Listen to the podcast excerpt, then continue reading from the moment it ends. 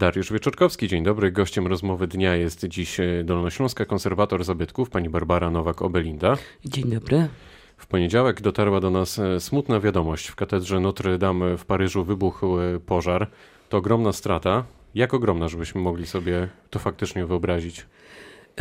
No, niewątpliwie jest to jeden z ważniejszych zabytków świata. E, bardzo ważny dla, dla rozwoju, nie wiem, myśli, techniki, budownictwa, rozwoju mm, rzemiosła, e, malarstwa i właściwie rzeźby, tak. E, strata jest bardzo duża, no bo, bo spłonął duży fragment obiektu, ale no, na całe szczęście ten pożar, pożar, się toczył od góry, tak? Zaczęło się od iglicy, prawdopodobnie z tego, co tam mówią doniesienia, y, to jest jakiś zły przypadek. Ktoś remontował, pewnie coś, czegoś zaniedbał. Y, spłonęły elementy drewniane. Się okazało, że te wybudowane przez średniowiecznych budowniczych sklepienia kamienne, one zatrzymały pożar i y, poza może zniszczeniami związanymi z gaszeniem, z wodą, jak to zwykle bywa, to wnętrze katedry, sklepienia, wieże, tak, y, to zostało. Y, ja nie patrzyłam, z jakiego czasu jest ta więźba dachowa, ale z całą pewnością to, które spłonęło, spłonęło drewno i to drewno raczej nie było średniowieczne, więc y, myślę, że to, co najcenniejsze w tej katedrze się ostało, no oczywiście ze względu na jej skalę to będzie długi proces odbudowy. Mniej więcej, jak pani myśli, to jest kwestia, nie wiem, pięciu, dziesięciu lat, czy kolejne myślę, pokolenia że, zobaczą? Nie, myślę, że szybciej, że z reguły y, w tych tragicznych sytuacjach to, y, to, to jest mobilizacja ludzi bardzo duża i pewnie nie tylko Francuzów, ale i Europy, może i świata. Y, jak znam takie przypadki, myśmy też takie przypadki na Dolnym Nawet Śląsku. Nawet we Wrocławiu. Y, tak. Nawet we Wrocławiu, ale nie tak dawno y, Zamek Książczak, który był przecież po remoncie i na całe szczęście był dobrze y, zabezpieczony przeciwpożarowo, ale prawdopodobnie sytuacja była podobna. Ktoś remontujący, wykonujący jakieś czynności zaniedbał podstawowych zasad BHP, no i tak się zdarza. A jak wygląda sytuacja właśnie na na Dolnym Śląsku? Nasze zabytki są Pani zdaniem bezpieczne? Staramy się, żeby były jak najbezpieczniejsze. Dość e, dużo jest e, takich systemów zabezpieczających e, przed pożarami. Y, co się okazuje, że jest bardzo potrzebne, bo jak był prawie w tym samym czasie i zamek ksi y, książ płonął i, i Kliczków, to, to te, y, gdyby nie te systemy, to nie, nie udałoby się ochronić obiektu do tego stopnia.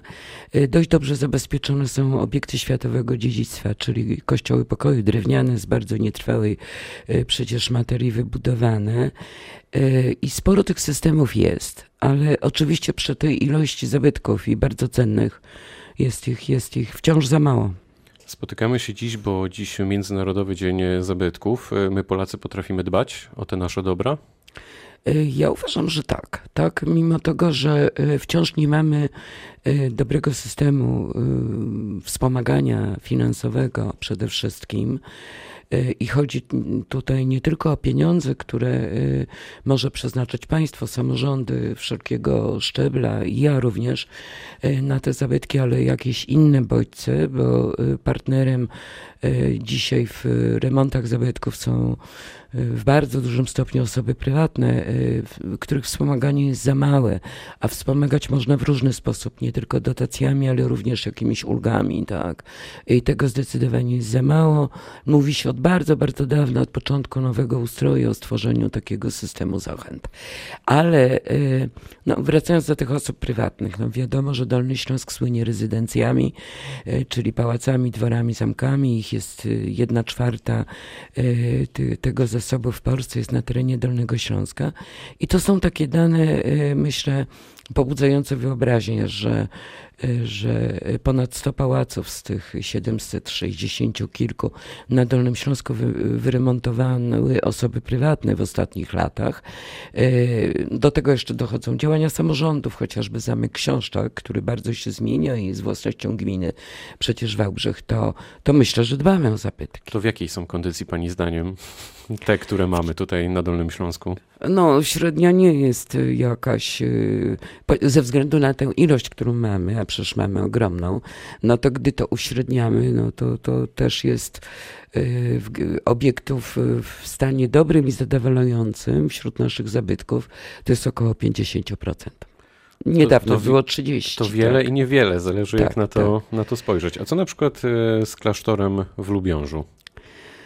No, klasztor, klasztorem w Lubiążu interesujemy się Y, bardzo mocno w tej chwili przede wszystkim y, wojewoda dolnośląski, który y, wyszedł z inicjatywą przejęcia obiektu na rzecz Skarbu Państwa. To się wciąż jeszcze toczy. Oczywiście to, to jest długi proces i chyba nie zamknięty, z tego co wiem.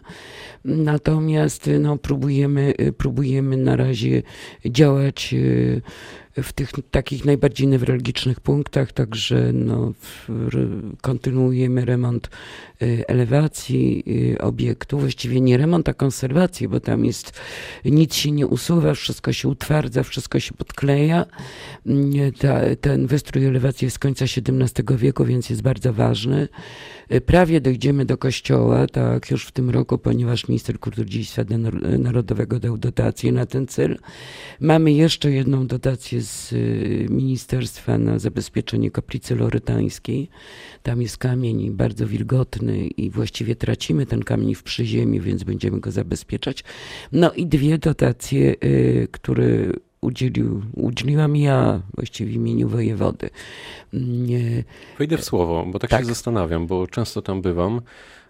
Jak to możliwe, że przez tyle lat, w zasadzie to mogłoby być jedna z wizytówek naszego regionu, no, nie udało się doprowadzić do tego, żeby faktycznie ludzie z całej Polski, ba nawet z Europy mm. przyjeżdżali i patrzyli na ten kompleks unikatowy.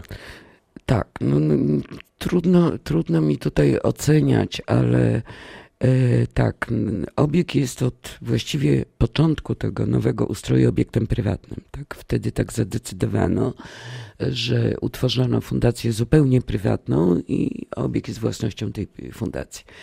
E, fundacja działa wiele lat i oczywiście, gdyby nie ta fundacja, pewnie e, poziom zabezpieczenia tego klasztoru byłby dużo niższy niż jest obecnie, ale E, no, fundacja nie była podmiotem na tyle jakby sprawnym i przede wszystkim zasobnym, żeby skorzystać ze środków unijnych, z których były robione na przykład Krzeszów, prawda? Czyli nie potrafili zadbać. Tak, organizacyjnie i chyba nie byli w stanie, bo to, był, no, to było kilku panów, tak, na, na różnych stanowiskach w różnym czasie.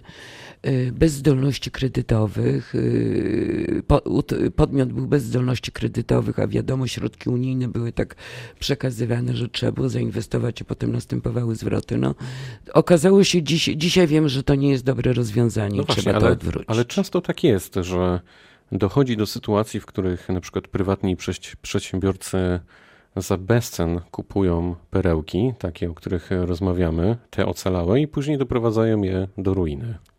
E, to tak, e, takie zjawisko właściwie było i ono e, I trwa, trwa, do tej pory, dlatego że nie możemy tych obiektów odzyskać. Tak? One zostały w latach 90., przeważnie w 90. do 2005 tak no, powszechny trend y, prywatyzacyjny, sprzedawanie tych obiektów za grosze. Oczywiście to nie przyniosło żadnego skutku, bo te podmioty dzisiaj nie wiemy, gdzie są często, tak? Albo się rozwiązały jakieś spółki, albo, y, albo y, ludzie wyjechali za granicę. Ale to jest straszne, co, o, o czym pani mówi. To znaczy, że państwo nie potrafi tutaj, albo samorządy, w ogóle my tutaj, gmina, samorząd, państwo nie potrafi sobie z tym problemem poradzić, nie potrafi odzyskać z powrotem takiego to, obiektu, tak, jak widzi, gdy ten niszczeje? Bo to jest kosztowne, tak? Mamy taki system prawny, że y, właściwie nie możemy go odebrać za darmo, musimy go wywłaszczać za odszkodowaniem. Y, to poprzedza to, to wywłaszczanie, to jest długi, długi proces administracyjny i on jest kosztowny, bo, bo, bo, bo, bo trzeba zapłacić odszkodowanie. Tych obiektów mamy sporo.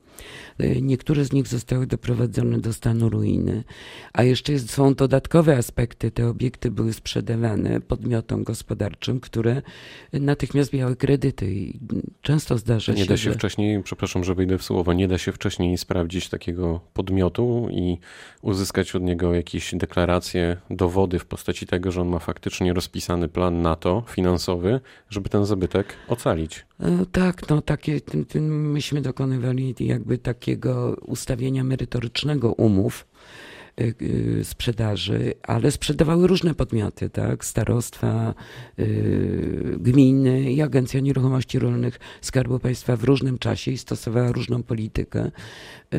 Gdyby te podmioty zawierały takie umowy wówczas, że jeśli ktoś nie zrealizuje tego planu, bo te plany były zawarte w aktach notarialnych, ale brakowało jednej klauzuli, że jeśli plan nie zostanie wykonany, obiekt wraca na rzecz sprzedającego.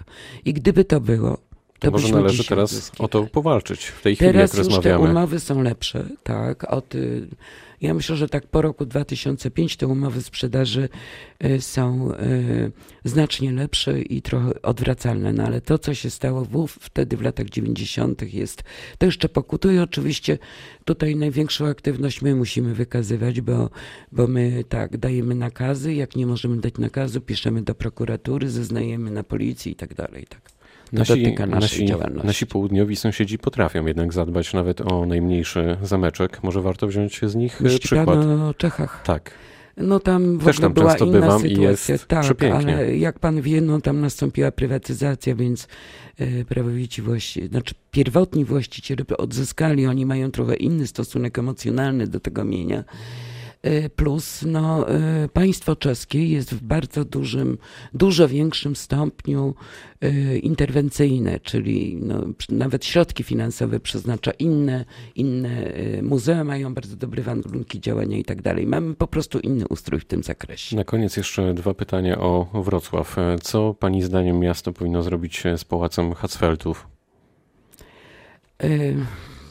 powinno się dobrze zastanowić, mm, w jakiej formie y, ten pałac ma istnieć w przyszłości. Czy ja mogę jeszcze jedno słowo o Lubiążu Proszę powiedzieć? bardzo.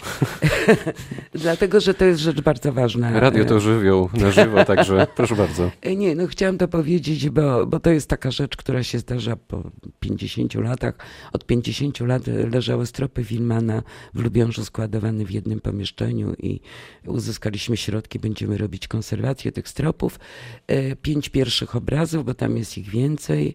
Będą najpierw wytrute owady, potem pięć obrazów zostanie oddanych do konserwacji i w grudniu profesor Oszczanowski wystawi je w Muzeum Narodowym. Czyli w Lubiążu się dzieje, we Wrocławiu też się trochę dzieje. To wróćmy do tego pałacu. Mhm. Pani zdaniem co się powinno wydarzyć?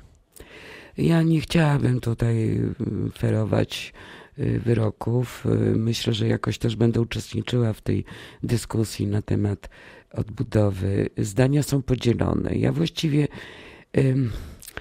nie wiem, no są dwie, dwie metody, tak? Albo e, szanujemy resztki e, tych struktur zabytkowych i próbujemy współczesnymi metodami dokonywać jakiejś rekonstrukcji, albo odbudowujemy jeden do jeden.